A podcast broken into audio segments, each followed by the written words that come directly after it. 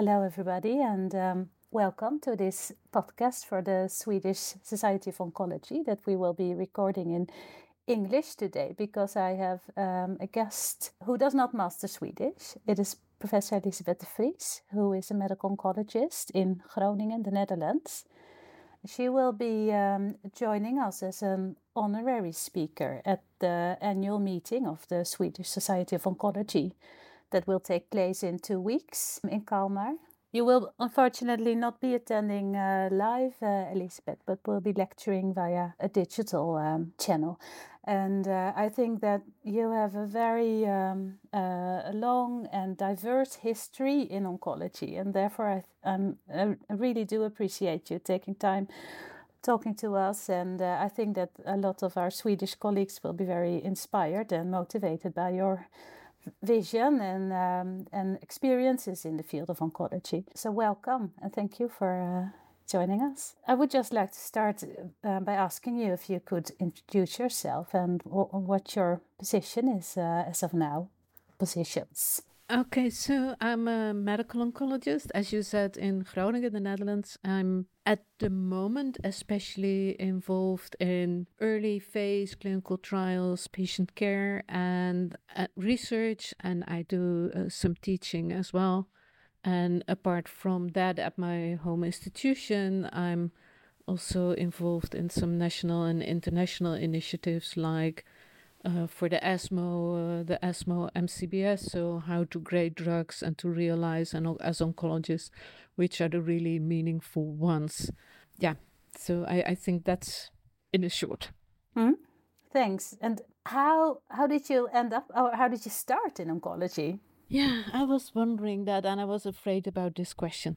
So, so it, I, I also realized that the the moment we have today, this talk, it's Women's Day, and um, when I started to study medicine, one in ten students was female. I went during my my practice training in the last stage uh, for my MD to the UK in London and there I did internal medicine, and I saw a lot of women doing internal medicine as well, which I was really, yeah, impressed that that was possible for women. So I think that that has tremendously influenced me on deciding to do internal medicine. The broadness of the profession. I mean, uh, you can always study, you can learn so much, you always new problems to solve, um, a lot of interaction with patients. So that was uh, yeah, really tempting for me. I was really happy that I was admitted. And it's good to realize that by the time I finalized internal medicine, and during my internal medicine training, I did a PhD on um, on acute leukemias, that I was asked to consider to become an oncologist, but oncologist was not yet a professional training uh, in the Netherlands, and it was also seen by most colleagues as as yeah a poor man's choice. I mean, why would you choose oncology? What could you do? Not a very meaningful job. At the same time, society saw that I should stop working because what should I do? Um, and I, I was quite excited about the, the unknown for oncology. I mean, and nobody expected me to achieve anything as a woman. So why not do oncology? So basically, that's, I think, how it happened.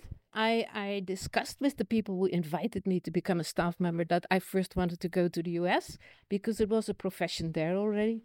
So I spent one year at City of Hope in Los Angeles and then came back and started to do oncology. And and you can imagine I haven't regretted a moment uh, because um, there are not many people who see so many changes during their professional career as as I have seen. So uh, a good choice, but the luxury of having no expectations from anybody. Nobody asked me, What do you want to achieve in five or 10 years? Because nobody thought I would achieve anything. And this freedom is a gift that I um, wish a lot of younger colleagues could have as well. But do you would you then suggest that we should stop defining those achievements that we want to aspire? Is that uh, the, the, the only worry about uh, defining the expectations is that it, in a profession that is changing so rapidly, it's difficult to know where where you will have the biggest impact. And after two years, you might want to to to change your path a bit to achieve better what you want to achieve. And this, well, I hope people can create this liberty for themselves to make as much as you can out of it. So this is how I came to oncology. And of course, again, exciting new developments, very nice patients, a lot worse to change. Uh, most people like so much life, like we all do. So yeah, I've never had a problem with motivation for oncology. How um, and and I mean, you can also say I think that it has become a much more hope-filled profession compared with a few decades ago. Uh, I think so. So, what is motivating you today to because you have um, reached pension age, so you do not have in any way um, continue to work, but you're still highly, highly active. What's what's your motivation there? I'm impressed by the changes we see in oncology and by the changes we can make, and I love being involved in that. And if you're healthy, um, that's a nice way to spend part of your life the, by doing research and being involved in these developments, I also have the luxury to to work with a lot of younger colleagues uh, who are extremely motivating with their new ideas and and also nice for me to be able to help them mentor them uh, support them whatever so but in the end also in early drug development trials i keep noticing how happy we are as oncologists when our patients do well. That's probably the the nicest end result you can get. Yeah, it's it's a huge satisfactory thing to see if a patient is uh, responding. Uh, do you work clinically uh, now? Yeah, I did, a few months ago I stopped doing uh, regular um, uh, clinics uh, outpatient clinics, uh, but I, I still do uh, and I am involved in, in the management of phase one, two trials. Yeah. And, and how to decide on patients, etc. What do you think, as of now, what do you see the biggest challenges that we are facing in oncology? And I'm curious about like clinical challenges, but also societal, economic. Because if you do want to share your thoughts about well, that? Well, probably then, then let's start globally, societal impact. I, I think what is fascinating is new drugs that we get in oncology, more drugs to come, effective drugs, better drugs than we used to get. We become smarter in how to apply them and when to apply them, but their costs are just unbelievable. And they are many of these medicines are not affordable in low middle income countries and it will be a huge problem in in our rich your rich and my rich country as well in the future so i i think we as oncologists have to empower ourselves to to know everything about the quality of the medicines and we we have to help in making the right choices. So making sure that real good drugs are accessible for our patients and um, and probably not waste the money on on minor effective drugs. So we will have to know how to decide that. That's why i'm so so motivated also for the ESMO magnitude of clinical benefit scale we are also with ESMO working on a reimbursement model in which the scale is part so that you can have an impression what a realistic price would be in your country um, for that medicine.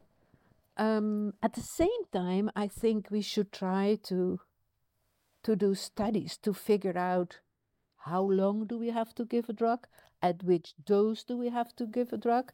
You you know these studies ongoing with checkpoint inhibitors, whether you can stop earlier or whether you can give a lower dose the, the consequences for for cost are, are major. And um, many countries will need that kind of data in order to be able to allow these drugs. Um, to and and just have them accessible for their people in their country. Um, so so I think we can't neglect that that we are going to get a problem and that we should try to also design studies in such a way that we get that kind of information to save money um, and still have the best treatments for our patients. Mm. So that's very globally. Then, uh, for all patients, I think it would be nice if we become smarter in in selecting patients for the right treatment, and and it it's I I think quite obvious that right now many easy ways have have already been tested. And so it, it may be that in the future we need one or two biomarkers, not just one, but more biomarkers, but then might be able to hopefully better select patients for the right treatment. In in my talk at the meeting, I will talk about how you might be able to use PET imaging with uh, smart tracers, um, providing you information on specific characteristics in the tumor, and and the behavior of the medicine uh, might help you.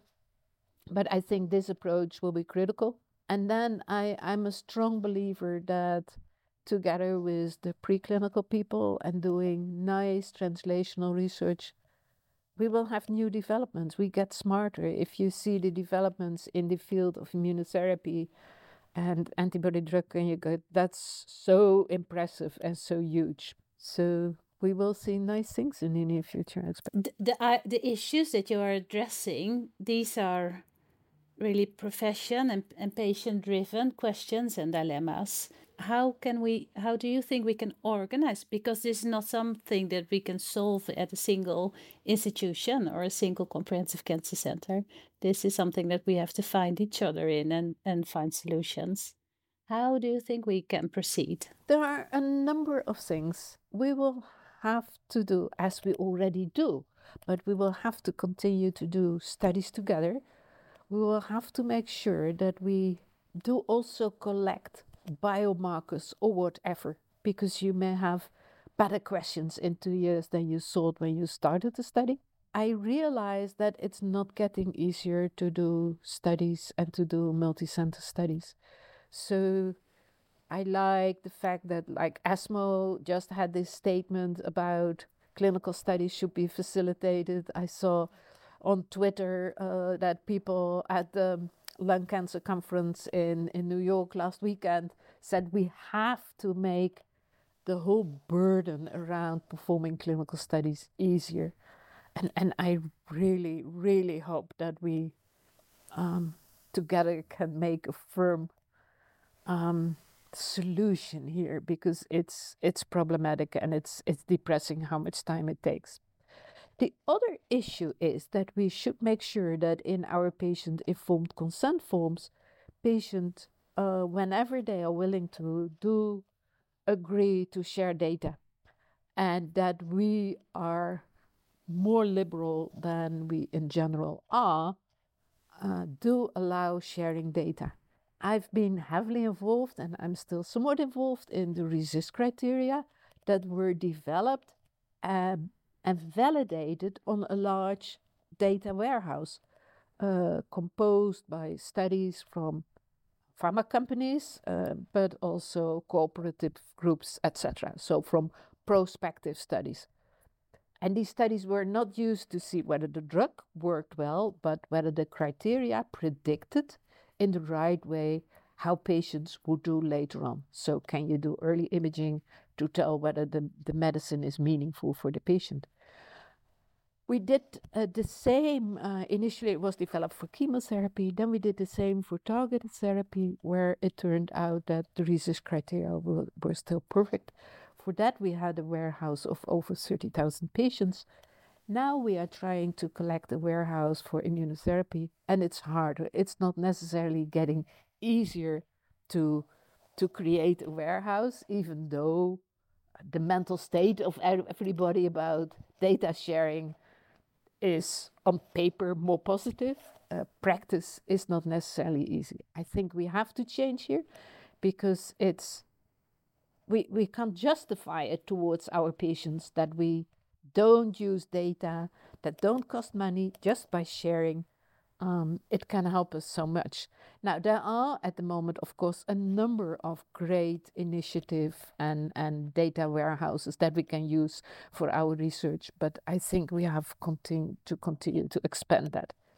That could we all could do by not being too too strict on worries that somebody might might do something with our data that we don't like. Yeah, yeah, yeah, yeah because that's also the heavy administ- administrative burden that's inherent in these kind of efforts, unfortunately. I was just thinking is the difference that it is more difficult to distill the such response criteria for immunotherapy because the responses can be different compared to response to chemotherapy or? what we did is when immunotherapy came there there was of course this um, pseudo progression that people noticed. So people sat together and created new criteria, um, but not based on on a lot of data. Uh, and that's when the RECIST Crime uh, committee uh, sat together and they also spoke with EMA and FDA, and they basically created guidelines what you should collect during immunotherapy studies and in these guidelines, you were also allowed to continue treatment if you if the patient was clinically stable and and therefore it might be just a pseudo progression. Now, what the aim is now and where the efforts are ongoing is collecting data from studies that have applied these guidelines so that you can interpret from a database where patients are also treatment post initial progressive disease how how you should deal with pseudo progression etc and then hopefully have firm criteria for the future again based on data validated. When do you do you know when we could expect these kind of um... the sooner uh, proper warehouses ready yeah. So I think that you already touched upon some exciting developments and the newer drugs, the combinations of biomarkers. What do you think will be the big game? We have had quite some game changers. If I just look at my own career in oncology, which is also almost 20 years, I have to say. but, um, well, 15 actually. But I mean, there have been such tremendous game changers already in, in these years. But what do you think the coming years? What what do you envision will be the big game changer that's upcoming? If I reflect a bit on immunotherapy, I think in the beginning people had a feeling, okay, it works in these one or two tumor types. That will be it. And it's I keep being amazed about the expansions and the new indications and the new combinations. Now, bispecifics and CAR T cell therapy and, and tumor infiltrating lymphocyte therapy in in solid tumors, it's all in an early stage, but I mean, it might well, yeah, it might well find its place. Um, just very exciting to follow. And then antibody drug conjugates um, are very interesting. And the fact that people are now considering to combine the various medicines yeah, is also very fascinating. So it's so difficult to look into the future. Yeah, that's impossible. I do realize that. But as you are so much involved in so many uh, early phase projects, I yeah, it's exciting and and and you have the feeling that at a different side, yes, things are moving. It, it might well going to be impactful. Yeah. Do you think that we, that we will stop treating patients with only chemotherapeutics? I don't know. Hmm. I don't know. We we have had those days where people told how brilliant targeted agents were and how bad chemo, and people at that time forgot that we could only cure patients with chemo and not with targeted agents. Now, now the field is moving. Um, I don't know. I don't know. It's still our cornerstone of treatments. Yeah, for if if we just think about testicular cancer, then uh, that, that we would need something real new uh, to to compete with current results. So, what's your recommendation for oncologists who are in the beginning of their career? How what what's what's what advice do you give to your mentees and the and the young colleagues? Probably the a, very important aspect is hope you can stay happy in life that you have um, if you want to have a family i hope you can have a family and you can take care of your family. And i've always have had the feeling that if you're happy yourself it's easier to share your your happiness with your patients. And and i for example remember that when i was pregnant i i had I felt sorry for my patients that I had something that I was very happy about and they they they were so sick and they might die. And and from that I learned that they were happy that they had a doctor that was happy and and knew important things in life. So um, I, I, I, I remember that initially I really felt yeah, somewhat embarrassed that they could see that I was pregnant and had other things in life than their problem. And uh, it turned out to be totally different. So patients may may also appreciate that you're a full person, and we shouldn't forget that. And that might be you might benefit from music or art or whatever, but that's staying happy. Um, during your career helps. Uh, I think doing 100 or 150% patient care can be really hard in oncology.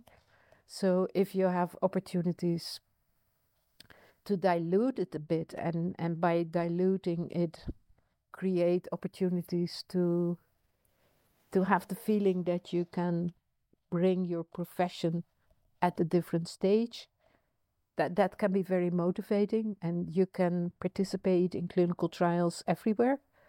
And and if you have the luck that you participate in several trials that are meaningful and and change practice then that's very rewarding. So so if i think about a whole career um, uh, once in a while spend time on how you want to stay happy. If you're happy then you're most likely doing a very good job, then during your career you will get opportunities to go somewhere else, to take different positions. I mean, it will be very unlikely that you will remain doing the same over your whole life.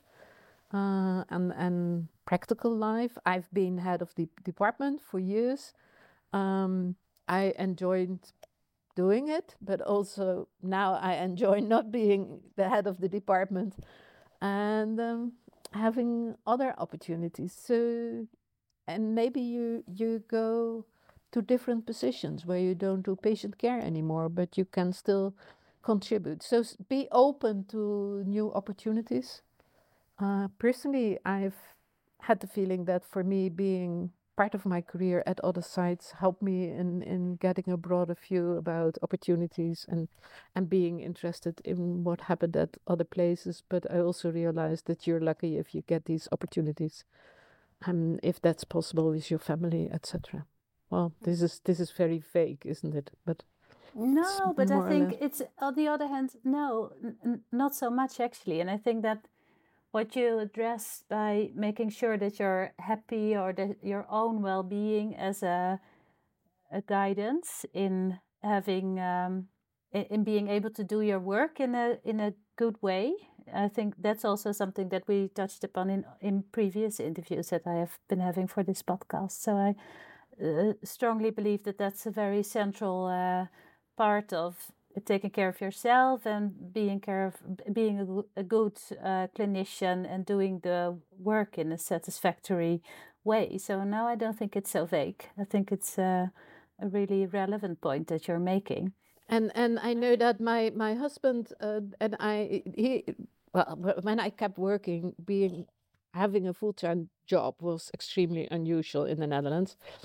So we we decided that when the family was happy, we just kept going, and if not, we would change things. And well, we kept going, and um, yeah, I don't regret anything um, in in retrospect. Although people thought that I might res- regret things later.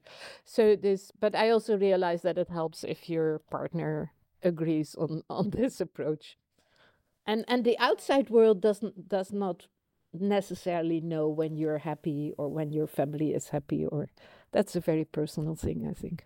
Well i think uh, and then on today's international women's day and now having a lot of uh, women in oncology or in the field of medicine um, i think this is a really uh, relevant point to make um, and good to repeat and hear from different colleagues um, because uh, it's still a dilemma for many you just to before we um, end up, but uh, you already mentioned shortly that what you will be addressing in your talk at the um, uh, annual meeting. Could you just say a few words about what you will be talking about and what's what will be your main take-home message or main message for the audience? So I will I will grab the opportunity to um, shortly address how we can figure out how meaningful which treatment is for patients, and then how, if we have figured that out, then we still are quite excited about many treatments where half of the patients don't benefit at all. But we're already so excited about the 50% that do benefit. So then I will try to explain what what, for example, with molecular whole body PET imaging, what extra knowledge you might collect.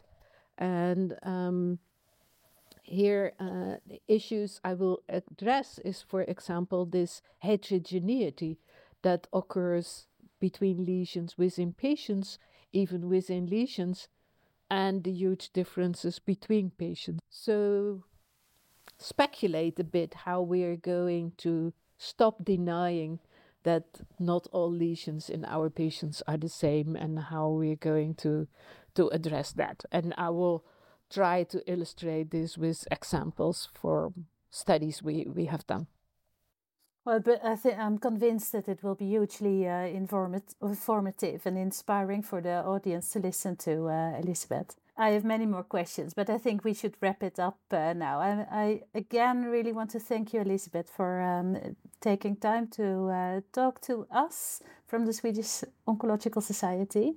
And um, I hope that, that it will be a good lecture and that there will be many who are enjoying the lecture that you will be giving in two weeks. So thank you again. Thanks. Thank you very much. Looking forward to it.